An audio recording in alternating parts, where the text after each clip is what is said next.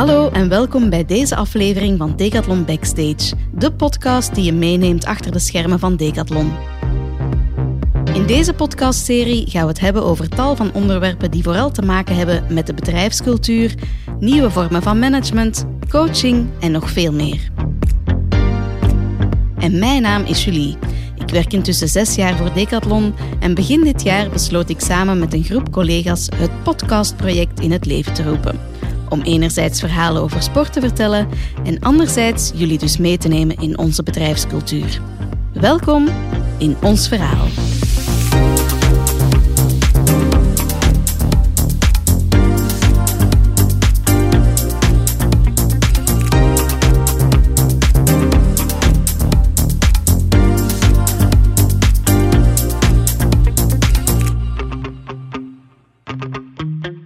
Vandaag heb ik Koen Daman te gast. Uh, hey Koen, welkom. Hey Julie.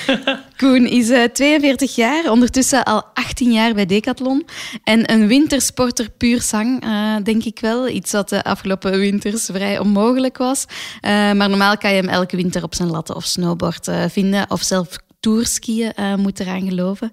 En wanneer het skiseizoen voorbij is, uh, vindt hij zijn weg naar de koersfiets. Um, je kan je ritjes, geloof ik, op Strava volgen, want uh, voor je lockdown heb je jezelf gewaagd aan Strava Art. en ook wandelen is een recente passie geworden. Om het thuiswerk wat te variëren, gaan ook zijn coachings al wandelen door. Hij was erbij toen het allemaal begon in 2014 met de eerste Toscan. En vandaag vervult hij zijn rol als leader feedbackcultuur en ook als leader, had dit anders verwacht, wintersporten. Heb ik dat een beetje goed samengevat, Koen? Maar ja, dat is heel fijn om uh, opgesomd te krijgen eigenlijk. Ja, ja. klopt helemaal. Ja. Oké. Okay. Hoe gaat het met jou vandaag? Um, ik ben redelijk rustig naar hier gereden. En nu ben ik best wel wat onder de indruk van uh, heel de setting hier. Dus uh, koptelefoontjes en microfoons erbij. Um, maar al bij al, uh, ja, eigenlijk een heel fijne week. Ja, goede mm. afwisseling van enerzijds coachinggesprekken, vandaag dit, gisteren zelf een opleiding gevolgd. En voor de rest is mijn agenda gevuld met vrij veel opleidingen. Dus ik ben heel blij dat we terug kunnen samenkomen. Want ik heb mij in de afgelopen lockdown een beetje gevoeld alsof ik in de eventsector of in een horeca werkte. Want alles wat ik graag deed, dat mocht niet meer. Namelijk mensen samenbrengen en uh, verbinden en samen leren. En, uh, en dat kan nu terug, dus ik ben eigenlijk wel heel blij. Ja. Ja, je hebt het uh, al een beetje aangehaald. We gaan het vandaag hebben over verbindende communicatie. Uh, jij bent hier van uh, een van de pioniers binnen Decathlon België. wanneer en hoe kwam, kwam dat onderwerp eigenlijk op jouw pad? Ik heb de eerste Toscan-opleiding gevolgd bij Decathlon. Dat was in, denk ik in 2015. En um, misschien dat jullie dat weten, maar dat is een traject binnen Decathlon waarin dat we werken op uh, persoonlijke groei, op coaching skills, maar ook op leiderschap. Ja, en die en, opleiding heet Toscan. Ja, en die opleiding en die gaat heet niet Toscan. door in Italië. En dan weten jullie vanaf nu waarover dat ik het heb. Um, en in die opleiding wordt er gevraagd om een aantal boeken te lezen, waaronder Reinventing Organizations van Lalou. Ik denk dat er toen ook uh, levenslessen van Kubler-Ross op stond. En het derde boek was uh, Geweldloze communicatie. En dat is een boek die mij wel wat getriggerd heeft, die naam alleen al.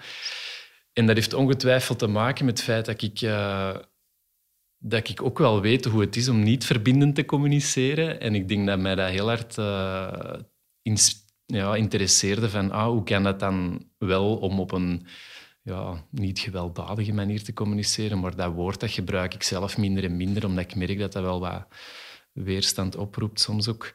Dus uh, ik noem het vandaag verbindende communicatie. Ik heb die een boek gelezen en um, voor mij was dat een soort eye-opener van, ah ja, oké, okay, dus elke keer als ik boos ben, dan is dat omdat er daaronder een behoefte niet vervuld is. En ja. kan ik daar zelf iets aan doen, in plaats van de andere te blamen of in onmacht te gaan van dat soort zaken. Dus, uh, mm -hmm. En ik ben die thema's beginnen exploreren, zowel op het werk als privé. Mm -hmm. En ik heb met zelf daar beginnen in opleiden en uh, vrij snel daar ook zelf opleidingen in beginnen geven bij Decathlon. Ja. ja. die ik ook zelf heb gevolgd trouwens. Heel, eh, heel leuk, dat is Ja. al een tijdje geleden. Ja. Ehm, kan je ons uitleggen ehm, of omschrijven wat verbindende communicatie is binnen een bedrijfscontext? Ehm, de momenten dat ik er het meeste vraag naar krijg, zijn momenten waarop dat ik merk dat het in de winkels of op de diensten ehm, iets minder vlot gaat. Dat er thema's aan bod komen die eh, lijken op conflict of die conflict zijn en die worden ja, als onaangenaam ervaren. En, eh, en op die momenten merk ik dat, dat ik de vraag krijg van Koen, kun jij, kunnen we daar eens een opleiding rond organiseren? En dan weet ik meestal van, hier is gewoon iets dat, ja, dat wat moeilijk loopt en we weten niet welke woorden dat we eraan kunnen geven. En eh, wat dat voor mij dan heel vaak al als helpend heeft geleken, is dat, ehm, dat heel eenvoudige oefeningen om eh, in groep samen te komen, om even te checken van wat is het verschil tussen babbelen en wat is het verschil tussen luisteren en eh, verbindende oefeningen te doen door elkaar eh, even een minuut aan te spreken en een minuut naar elkaar te luisteren. Dat het eh, mij opvalt dat ook samen met het aanbieden van een aantal tools hè, die, die gelinkt zijn aan die verbindende communicatie, dat gewoon de kwaliteit van verbinding ehm, heel veel al oplost door gewoon eh, ruimte te maken voor elkaar. Ehm, en hoe dat ik het dan ook nog verder toepas, naast die momenten dat mensen mij daarvoor consulteren, is ook het organiseren van opleidingen. Ja. Ik heb een NVC-0-trajectje van een aantal uur. Ik heb er eentje van twee dagen en eentje van twee dagen door iemand extern. En NVC staat dan voor Non-Violent. NVC staat voor Non-Violent Ja. Communication. Ja. Yes. Ja. Ja. En ehm, waarom is, is die manier van communiceren essentieel voor een, een transformerend decathlon? Want daar hebben we het eh, ook vooral over in deze podcast. Ja. Ehm, het sluit voor mij aan bij eh, de transformatie van een piramidaal of hiërarchisch georganiseerde organisatie die evolueert naar meer een netwerkorganisatie. En in zo'n netwerkorganisatie gaan we ervan uit dat iedereen gelijk is, dat iedereen doet wat hem graag doet, ehm, dat iedereen ook de vrijheid heeft om te doen wat hem graag doet en wat hem goed kan, of hij of zij goed kan. Ehm, maar daarin is het risico dat eh, de veeleisendheid wat eh, verloren gaat. En daar komt dan voor mij die feedbackcultuur naar voren omdat we er niet meer van uitgaan dat een one and only leader kan zeggen Ja. van dat is goed, dat is slecht, ik beloon u of ik geef u nu straf of we gaan nu dat doen of ik denk dat dat goed is voor iedereen. Maar we evolueren naar een netwerk waarin dat we dat allemaal tegen elkaar moeten kunnen durven zeggen wanneer dat er iets gebeurt in ons dat niet aangenaam is. Ja. En om te vermijden dat we in een meeting dan gaan zwijgen of na die meeting aan het koffiemachine gaan liggen eh, vloeken ja, en achter tieren en achter de rug. Iedereen liggen blamen van oh, en die heeft dat niet gezegd en die had dat moeten doen en dat is toch de schuldige. En om dat te vermijden willen we evolueren naar een plek waarin dat iedereen in de meeting zelf durft zeggen van "Hmm, ik hoor je dit zeggen, ik ben niet akkoord. En de taal daarvoor vinden, is, eh, daar is voor mij de, de tool van verbindende communicatie net eh, heel sterk om te durven zeggen wat er in u leeft. Zowel op momenten dat het moeilijk is, als op momenten dat het, eh, dat makkelijk is. En dat Ja. je ook waardering kunt uitspreken. Ja. ja, want die waardering is soms ook een moeilijke eigenlijk. Hè? Ehm, de evolutie van waardering voor mij is eh, in die transformatie gezien Mhm. dan eh, waar dat ik vroeger de waardering verwachtte van mijn baas Ja. of de erkenning. Ja. Evolueert dat nu naar ja, hoe waardeer ik één mezelf en hoe waardeer ik de andere die tegenover mij zit en hoe ontvang ik ook waardering van iemand anders die niet mijn overste is of misschien ja, hoe, hoe ontvang ik waardering van iemand die gewoon een klant is in de winkel of eh, eh, iemand die vroeger in de hiërarchie misschien onder mij stond. Mhm. En hoe klinkt dat dan? Hè? ja. En daar is die tool van verbindende communicatie eh, voor mij een heel groot hulpmiddel. En dat merk ik ook in de opleidingen, dat daar heel veel mensen heel dankbaar naar buiten gaan van oh my, zalig, ik heb iets geleerd. Het kan ook anders klinken dan ja. eh, Yes. Ja. verwijtende taal.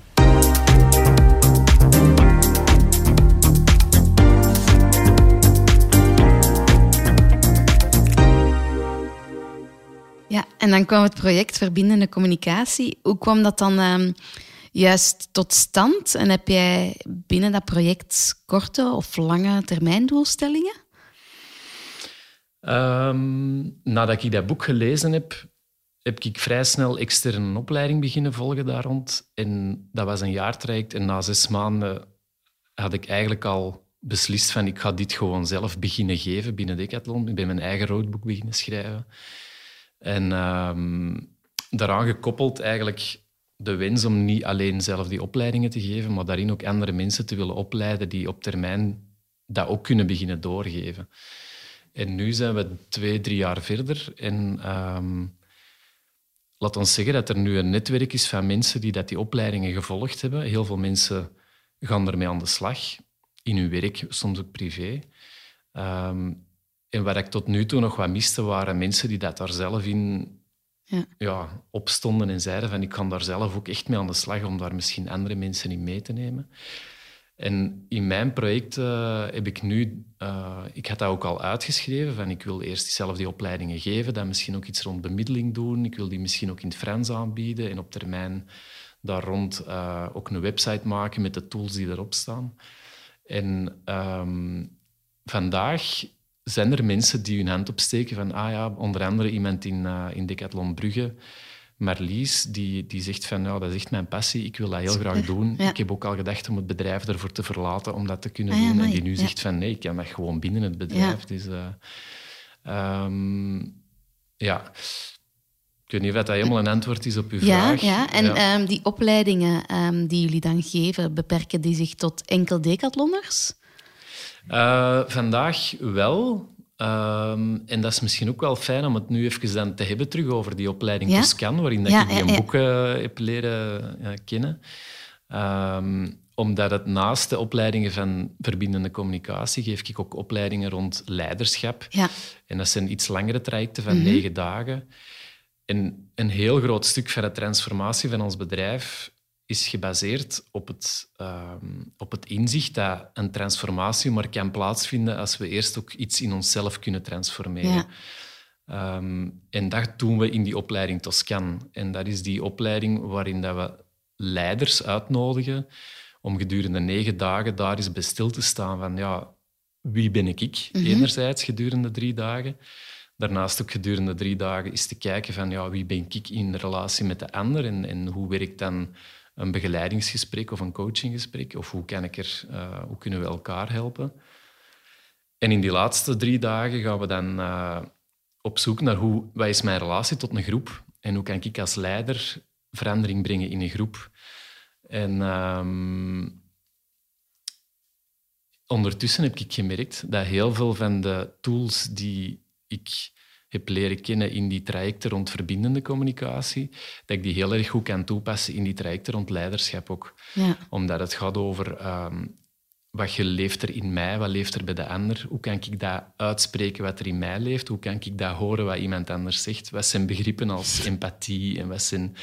Um, en hoe kan ik die toepassen in, in gesprekken één op één, maar hoe kan ik dat ook doen als ik een groep begeleid en... Uh, dus ja, en ondertussen is het geëvolueerd naar eigenlijk een Toscan-opleiding die dat ik gevolgd heb en die een bepaald stramien had. Mm -hmm. En die dat ik ondertussen zelf met mijn collega eraf, waar ik die, de ja. meeste opleidingen mee geef nu, uh, heb kunnen transformeren naar iets dat echt van mezelf is. En Super, waarin ja. bepaalde tools zijn ja, omgebouwd naar iets dat, dat ik meer uh, vanuit mezelf kan... Ja.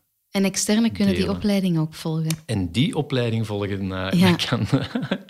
Want dat was een vraag. dat was een vraag. die opleiding die, uh, die is ook open voor, uh, voor externe. Ja. Super. Ja. En hoe kunnen ze daar zich voor inschrijven? Is, Ja, tot nu toe hebben we altijd mensen uitgenodigd um, die we leerden kennen via via via of ja, ja, andere bedrijven die ons contacteren omdat ze geïnteresseerd zijn in, uh, in ons traject. Um, ik herinner mij helemaal in het begin, dat was er op, um, op, uh, op Canvas een reportage over Witgeelkruis Oost-Vlaanderen, mm -hmm. dat die ook een, een veranderingstraject of een transitie wilde maken, heb ik gewoon zelf gebeld en naar die directeur van kunnen we eens afspreken? Zalig. En sindsdien hebben er denk ik drie, vier mensen van Witgeelkruis Oost-Vlaanderen uh, deelgenomen. Oké. En dan gaat het vaak ook via via. En dat gebeurt ook privé, dat je iemand leert kennen en dat je dat voorstelt van kijk, of iemand die dat ik ontmoet. Ik denk in dat een, die uh, opleiding iets voor jou is. Ja. Ja, oké, super.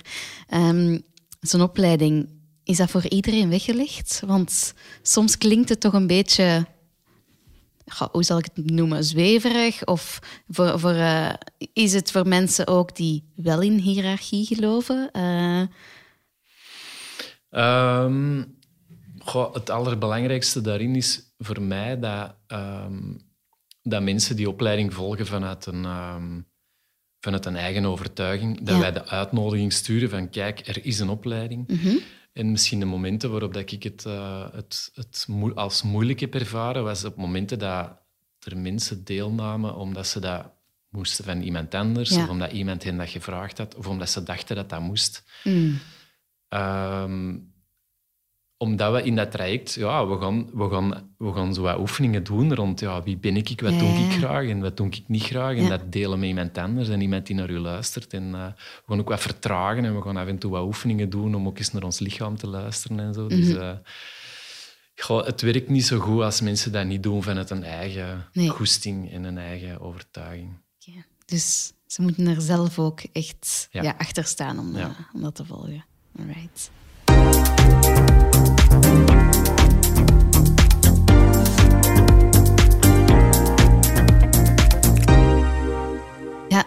we hebben het ook al een paar keer gehad over ehm, het boek dat geschreven is nu eh, over Decathlon, ons verhaal. Ehm, ja, we lezen dat je eh, sterk gelooft in de, in de kracht van empathie. Je hebt het hier al eh, gezegd, door actief te luisteren naar elkaar. Ehm, je doorheen de transformatie al samenwerkingen of veranderingen tegengekomen die tot stand zijn gekomen dankzij deze manier van communiceren? Ehm, Goh, ik was al wat afgeleid bij het woordje empathie.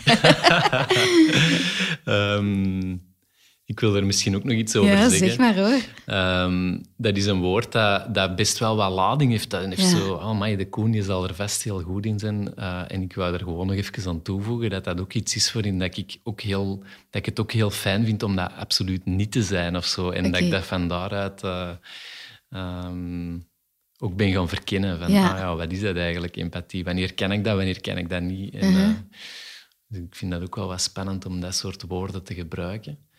Ehm, maar jij vroeg of, dat, of dat ik daar al veranderingen had Ja. zien eh, uit ontstaan, of eh, concrete dingen. Ehm, ik heb nu eerlijk gezegd niet, zo, niet direct iets voor de geest waar, ik, eh, waar ik mij ja, dat kan delen. Ehm, wat ik wel merk, is dat van het moment dat ik die, die eerste training gegeven heb, dat daar heel veel vragen naar gekomen zijn en dat dat eigenlijk op het moment dat ik eh, een lijstje deel met data, dat er mogelijkheden zijn om in te schrijven, dat dat heel snel vol zit. Ja. Ehm, dus ik vermoed dat het wel iets brengt, Mhm. maar om nu echt iets concreet aan te halen, ik kan nu niet direct Nee. zeggen. ehm, En ehm, hoe werkt dat dan nu ook in, in deze tijd bij online vergaderingen bijvoorbeeld? Hoe, hoe kunnen we dat verbindend communiceren of, of die feedback? Lukt dat goed? Ja. Ah ja, misschien wel iets concreet waar ik, waar ik nu aan denk. ehm, en dan zeker gelinkt aan die online vergaderingen, is dat ehm, eh, kleine dingen, hè, zoals gewoon een check-in doen Ja, en dat doen op een manier dat dat de ruimte geeft om even te delen wat er in u leeft.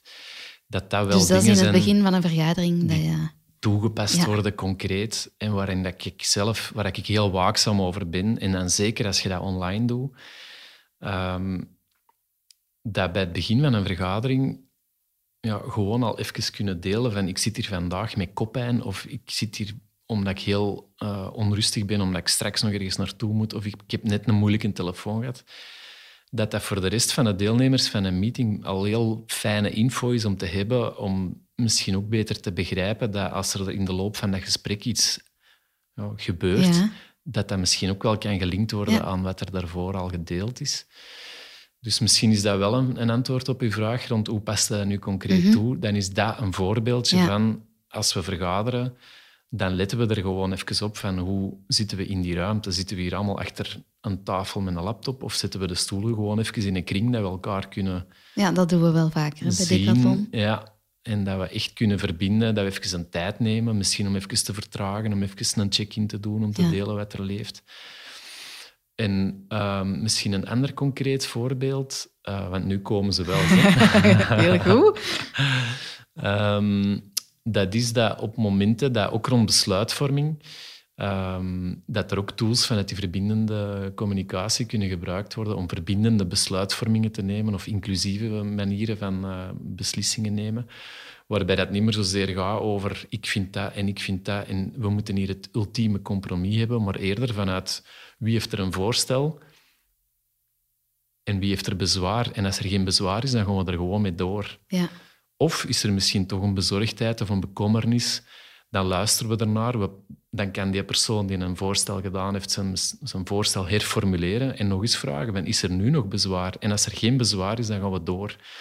Dus het, ehm, het, eh, het faciliteert persoonlijk leiderschap, het, het, eh, het versnelt het nemen van beslissingen. We gaan ook niet meer op zoek naar het ultieme compromis, maar we nodigen door die verbindende manier van communiceren mensen uit om in hun eigen kracht te gaan staan, keuzes te maken, te checken, is er bezwaar, adviesprocessen te doen ehm, en niet tot in het oneindige eh, alles te doen om conflict te vermijden, want dat is misschien ook een valkuil om Er mag Ah. conflict zijn.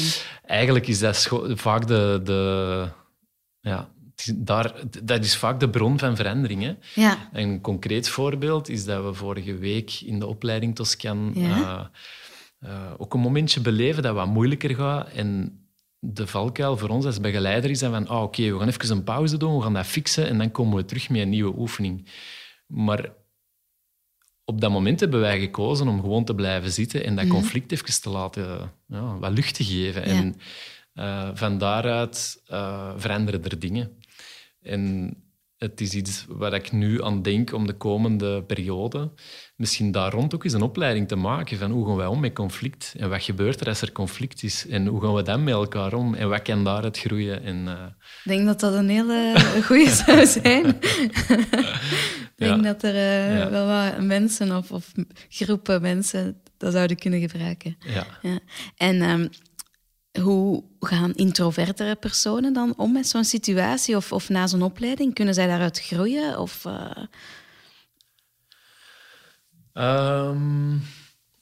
goh, ik ben al zo aan het denken, wat is dat iemand? Hè? Iemand die introvert is en dan denk ik aan iemand die misschien minder makkelijk in een groep Ja. zo eh, het woord durft nemen. Ehm, ik zou eigenlijk bijna durven zeggen dat, dat, dat mensen die wat minder makkelijk het woord nemen, makkelijker ehm, toegang vinden tot die Ja. opleiding, omdat het hen ook vaak aanspreekt ja. omdat ze dat herkennen. Van, ik zit al vaak op plekken dat ik, iets, dat ik niet akkoord ben met iets, maar dat ik het niet durf, niet durf zeggen en dat, ik dan, eh, dat ik het niet zeg. maar dan wel daarna het klassieke beeld van aan de koffiemachine de jakhals boven laten en boven halen. En, eh, ehm, dus ehm, ja, daar, heb ik, daar ervaar ik niet echt als een, een verschil tussen mensen die... eh, Nee, nee. ik zou zelfs durven zeggen, ik heb de indruk dat mensen die dan, als je die dan eerder als extra, extravert zou bestempelen, dat die harder struggelen met die Ja. opleidingen dan... Ja. Ja. Maar ik probeer wat weg te blijven van die labeltjes. Nee. eh, je merkt dat misschien. Ja.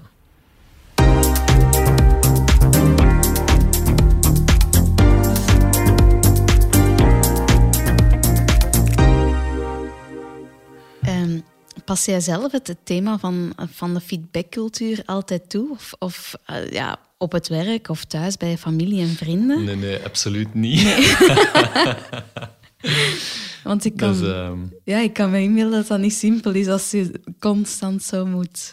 Ja, dat, dat zo proberen te communiceren. Ja. Nee, de, ehm, de reden waarom dat ik eh, dat ik het durf om daar opleidingen rond te geven, Ja. is dat ik het ook durf te delen, dat ik dat niet altijd doe, dat ik dat niet altijd ben, dat ik dat niet altijd toepas, dat ik daar heel slecht in ben ook soms.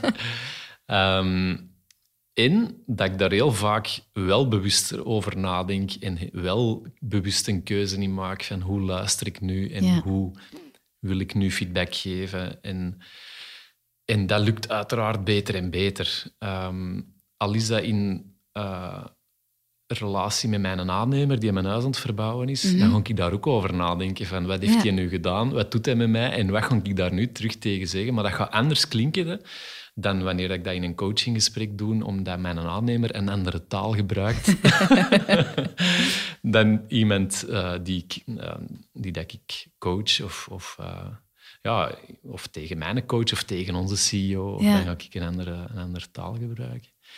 Dus, ehm, goh, en, en ja, natuurlijk eh, heeft dat ook een invloed gehad op, eh, op heel veel keuzes die dat ik ehm, ja, zowel op het werk heb Ja. beginnen maken, maar ook privé begin, heb gemaakt. Hè. Ehm, het is voor mij ook geen onderwerp wat, dat je gewoon als een tool kunt zien en dan ga ik die nu toepassen. Ja, er verandert ook wel wat in je leven daardoor. Omdat je ook niet meer in... Ik kan zelf ook niet meer op plekken zijn waar dat ik, ja, waar ik voel van ik ben hier niet graag zonder dat ik het gezegd heb. Ja. Ehm, dus dat verandert. En ook zeker naar de opvoeding van mijn kinderen toe, dan eh, is dat ook wel wel een zoektocht van hoe laat ik dat hier nu nog klinken op een manier dat dat niet eh, awkward Ja. wordt. Hè? En ik doe dat en ik doe dat op mijn manier. Ja.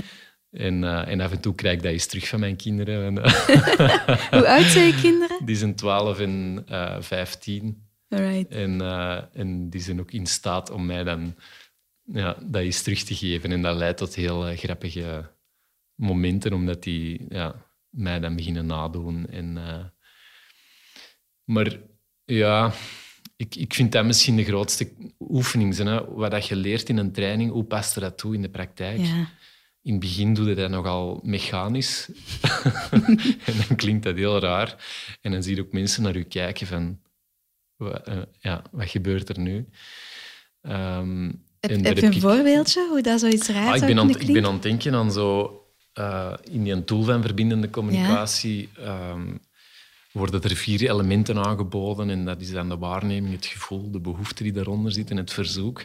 En als je dat in een training heel mechanisch toepast op een oef, in een oefening, dan eh kom je daar wel mee weg. Ja. Omdat je weet van, we zijn hier aan het oefenen. Maar als je dat gaat toepassen in, ehm, in je privé of op het Mhm. werk, ja, dan kijken mensen nu aan als we zijn hem kwijt. en in het begin is dat dan eh, heel confronterend, maar daar leerde wel uit van, Ja. ja, oké, er is wel een verschil tussen wat dat je in een training aangeleerd krijgt om bewust te worden, rond, eh, om je bewust te worden van bepaalde thema's. Van wat is het verschil eigenlijk tussen een oordeel en een waarneming? Maar om dat dan in de praktijk te gaan toepassen, dat is nog iets helemaal anders. Op je werk, privé, met je kameraden aan een toog. Allee, ja, dat, is Ja, een, ja. eh, ja, dat vind ik wel fijn. En als dat lukt. Ja. ja. Dus eigenlijk ehm, is het de bedoeling om zo min mogelijk oordelen te gaan uitspreken, maar eerder te delen wat je voelt. Ehm, ja, ja, eh, wel, ik zou eh, zeggen van ja, een tijdje geleden. En de laatste tijd geloof ik dat het ehm, heel, heel helpend kan zijn om gewoon echt bij de waarneming te beginnen en daar ook wat langer te blijven. Omdat je gevoel delen, eh, voor sommige mensen is dat comfortabel en voor sommige mensen werkt dat eerder niet verbindend. Ehm, en dat is misschien een valkuil, dat voor mensen die dat heel graag doen, dat die ervan uitgaan dat dat voor iedereen helpend is. Ja. En dat is niet zo. En wat ik nu geleerd heb, is om iets langer bij het verschil te blijven van wat is nu waar ik echt gezien of gehoord heb. Mhm. En wat denk ik daar allemaal bij? En welke oordelen zitten daar allemaal op? En welke ja, gedachten en welke vooroordelen? En om daar al eens een heel groot onderscheid, eh even tijd voor te maken van, maar wat heb ik nu juist gezien of gehoord? Ja.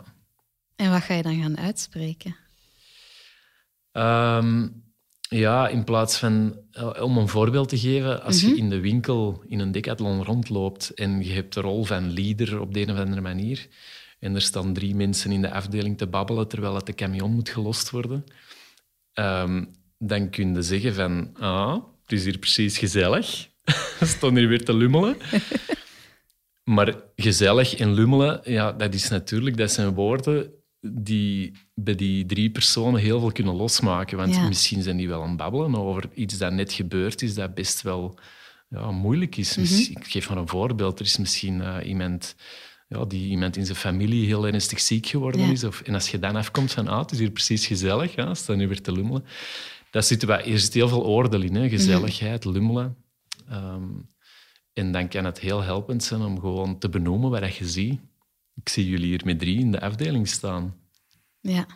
En dan creëert al een soort gemeenschappelijk speelveld en vermijden al discussie van oh, lummelen, lummelen. Nee, nee. Ik zie jullie hier gewoon staan met drie, terwijl het de camion moet gelost worden. Right. Goed voorbeeld. Ja. Ik, zie, ik zie het voor mij. Ik zie het gebeuren. ja. Ehm, ja, we gaan, we gaan niet uh, allemaal nog extra voorbeelden. Ik, ik stel voor dat uh, als mensen echt geïnteresseerd zijn in het onderwerp, uh, welke boeken zou je dan aanraden? Of, um, ja, een boek dat ik gelezen heb is Geweldloze Communicatie van Marshall Rosenberg. Dat is de, de grondlegger van van dat gedachtegoed. En dat is ook een boek die wel wat technisch is of zo. Bij momenten staan daar zinnen in waarvan ik denk, zo, zo babbelen we niet met elkaar. Dat zeggen we niet. maar het is heel helpend om te begrijpen wat echt een, een tool daarachter mhm. is. En een ander boek dat ik tegenwoordig uh, aanraad is uh, Stop met aardig zijn van uh, Thomas Danson-Boer. En ja, die is voor mij wat meer uh, aan de hand van concrete praktijkvoorbeelden. En daar komt het beeld van hoofd, hart, buik uh, ook heel vaak in. Een beeld dat ik zelf ook vaker uh, gebruik. Ja. Um, dus stop met aardig zijn. Alright. Stop being nice. Start being true.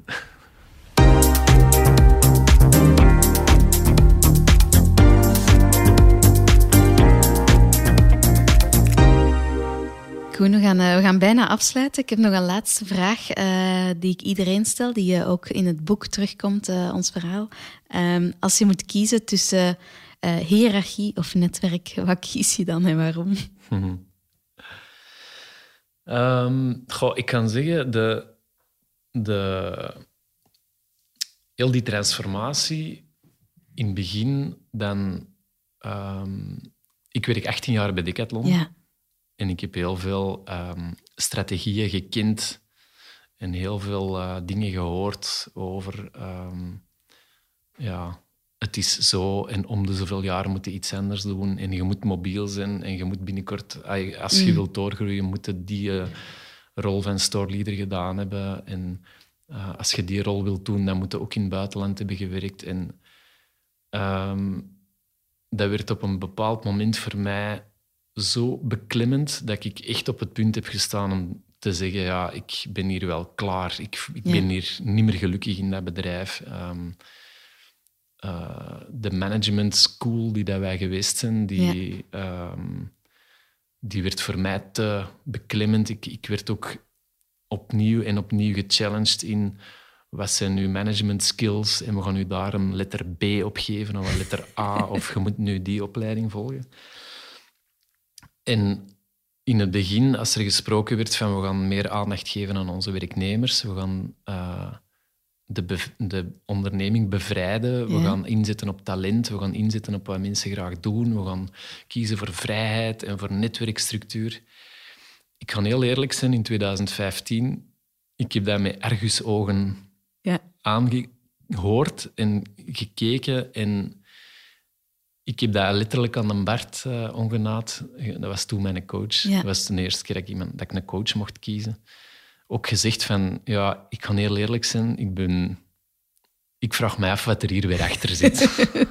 wat zijn ze hiermee van plan? Ik geloofde dat niet. Nee. Nee, ik geloofde dat niet. Um, omdat ik dat niet kon geloven. Van, gaan we nu echt na de klant ineens een medewerker voorop zetten? Um, hier zal wel, er zal wel weer iets achter zitten dat niet authentiek of niet oprecht is.